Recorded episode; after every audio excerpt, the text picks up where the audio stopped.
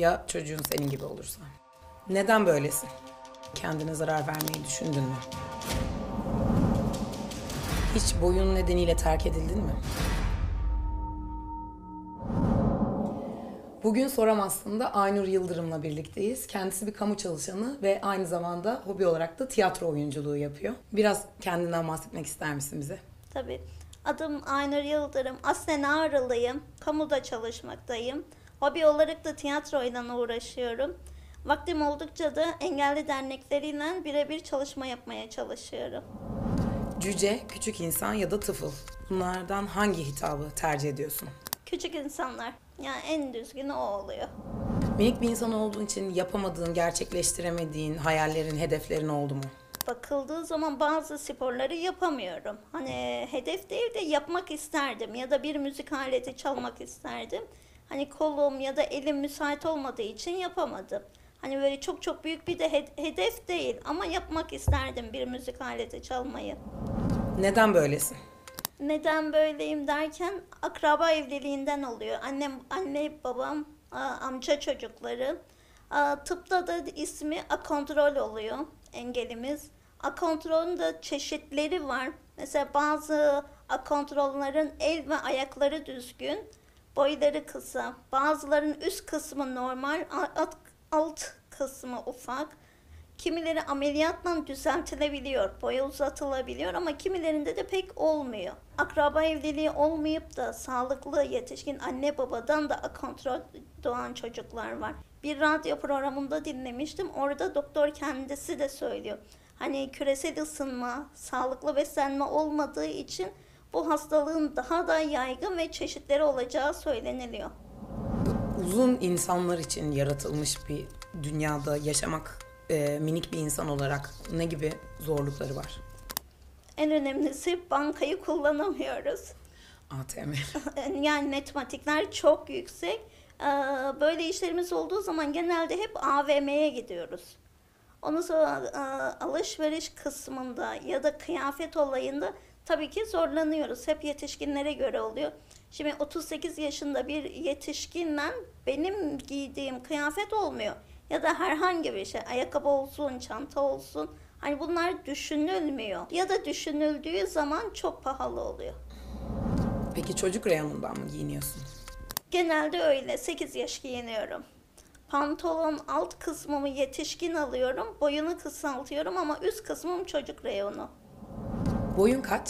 1.28. Topuklu giydiğimde 1.30 oluyorum ya da 1.35. Çocuk yapmakla ilgili ne düşünüyorsun? Ya çocuğun senin gibi olursa? Şöyle bir şey. Ben akontrolüm. Evleneceğim aday sonradan engelli oldu. Hani doğuştan değil. Genetik olarak taşıyıcı benim. Hani onun taşıyıcısı bir şey değil. Eğer ki çocuk benim gibi olursa şimdiki tıpta bayağı bir ilerleme var. Hemen devlet zaten belli bir raporlar çıkardığı için fiziğe yollanıyor. Belli bir fizik tedavisi gördüğünde ya da belli bir ilaçlar kullanıldığı zaman bir kırkın bir kırka yetişiyor. Bir kırk olduğu zaman da engelli sayılmıyor. Ama bu dediğim olasızlık yani yüzde on, yüzde on beş gibi benim gibi olabilir çocuk. Çünkü kendim gibi en- engelli biriyle evlenmiyorum ya da taşıyıcı değil. Taşıyıcı olan tek benim. Hani evlendiğim kişi sonradan olduğu için onda taşıyıcı olan yok. Hiç boyun nedeniyle terk edildin mi? Yok. Aksine e, ilgi çektiğimi söylüyorlar ama böyle kötü niyetli böyle abuk subuk insanlar da çıkıyor merak ettikleri için. Peki bu insanlar neyi merak ediyor? Bu bahsettiğin ikinci kategorideki insanlar yani bu fetiş tarzı bir şey mi? Yani şöyle bir şey, ufak tefek olduğumuzu biliyorlar. Hani yanına yaklaştığı zaman direkt söylüyor, aa çok ilgi çekicisin işte çıkalım mı? Hani ama mantıksız bir durum.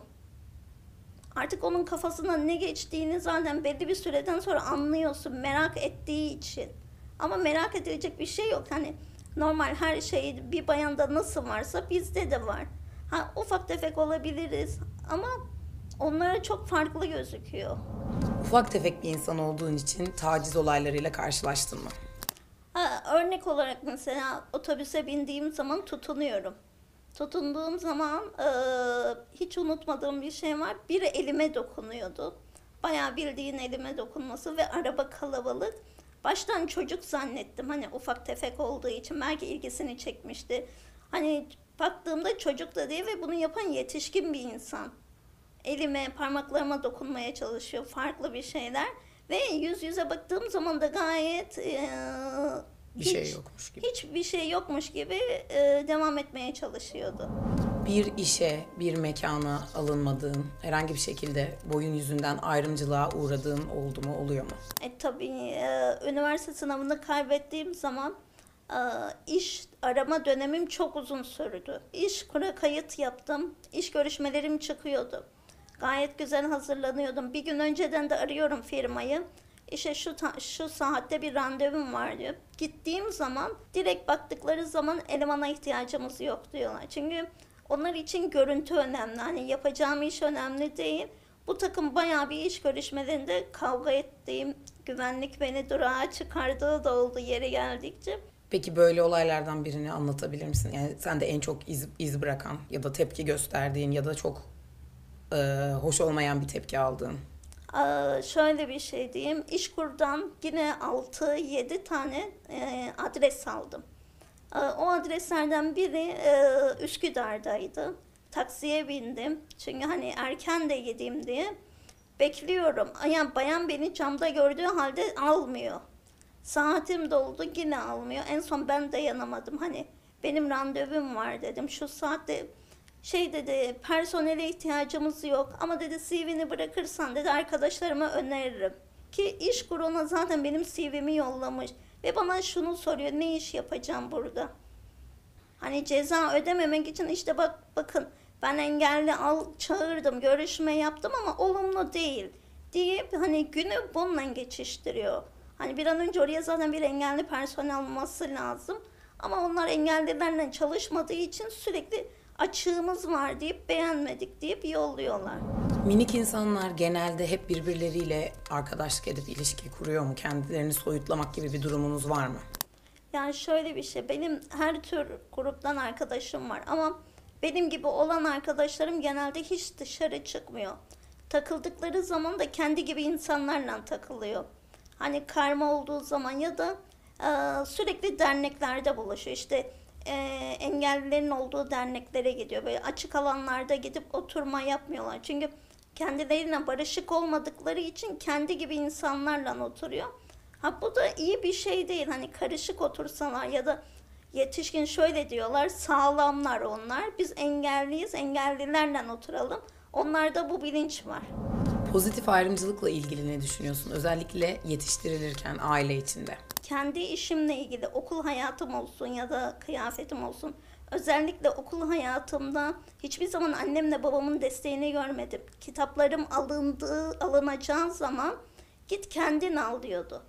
Ya da bir aşörtmen aldığım zaman git kendin yap diyordu. Çünkü aşörtmenlerin boyu bana göre değil küçültmem lazım.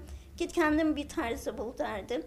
Kitaplarımı iki iki alırdım, eve getirirdim, ayaklarımdan tutar kaplardım. Çünkü kaplamazlardı, kendin öğren derlerdi. Ya da resmi bir evrak lazım olurdu, git kendin al derlerdi. Ama benim gibi diğer arkadaşlarımın önüne hep hazır gelirdi. Servise binerlerdi. Ben servis hiçbir zaman kullanmadım. Gider gelirdim. Mesela yüküm çok ağır olurdu. Taşımazlardı. Oradan sana birileri yardımcı olur derdi. Bu şekilde gidip gelmeyi öğrendim. Ama arkadaşlarımın annesi sürekli arar işte yemek yedin mi, aman terledin mi? Ben hiçbir zaman böyle bir şey görmedim. Yaparsın ne terleyeceksin? E, düştüm diyorum. Tamam kalkarsın, düzeltirsin diye. Hani bu şekilde hiçbir zaman yanımda olmadılar. Ama hani bilerek olmadılar çünkü hani ayakta durmamı istiyorlardı. Hiç bu hastalığından dolayı kendine zarar vermeyi düşündün mü?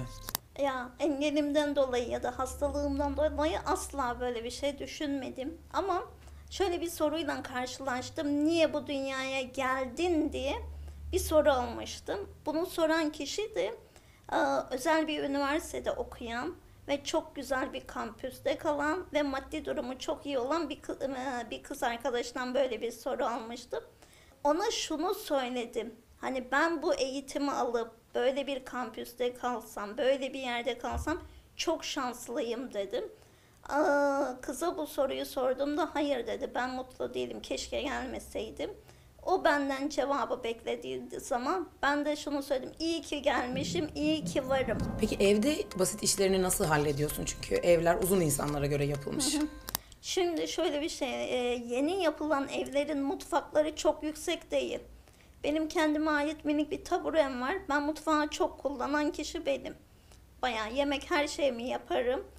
Ee, tabureyle ben bütün işimi yapıyorum. Çünkü şu an yeni yapılan mutfaklar çok çok yüksek değiller.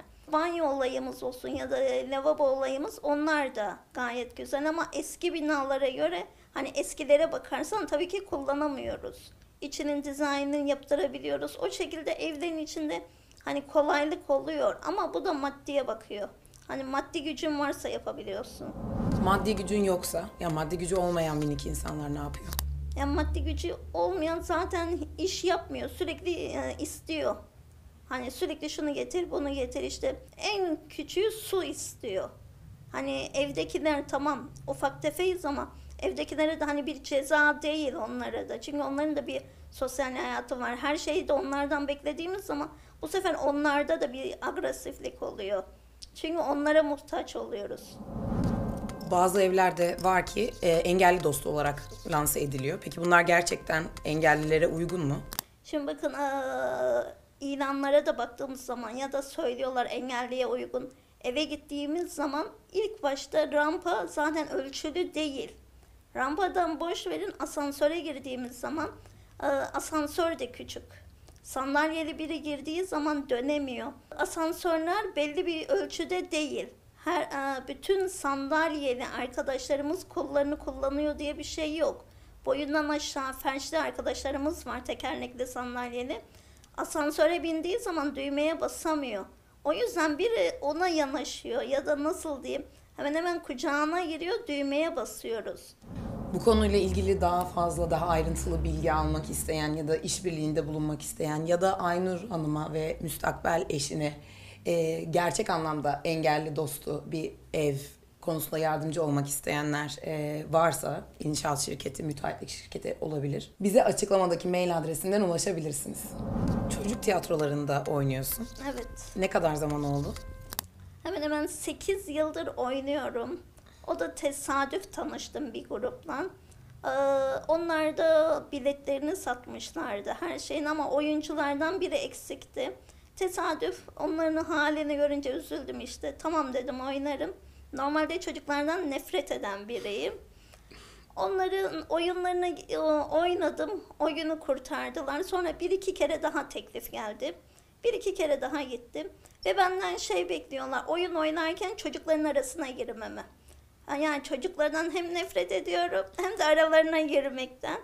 Ama sonradan inanın üçüncü, dördüncü oynamada çocuklara bakış açım yani 90 derece değişti. Çünkü onlar bizi ilk gördüğü zaman örnek olarak beni hani ablamı, kardeşimi, annem olduğumu algılayamıyorlar. Ama yanına gittiğimiz zaman ya da bir konuşma yaptığımız zaman artık eskisi gibi bir merak uyandırmıyor. Hani dönüp bir daha da bakmıyorlar. Hani ilk bakışları gayet doğal bir şey diyorum. O yüzden artık çocuklarla çok iyi anlaşıyorum. Ama bunu yetişkinlere anlatamıyoruz. Hani yetişkin biri baktığı zaman bir daha dönüp bakıyor, tekrar dönüp bakıyor. Üçüncü döndüğü zaman bu sefer is- istemeden cevap veriyorum. Hani fotokopimi çek, vereyim size isterseniz dediğim zaman o zaman anlıyorlar. Hani ne kadar artık bakacaksın.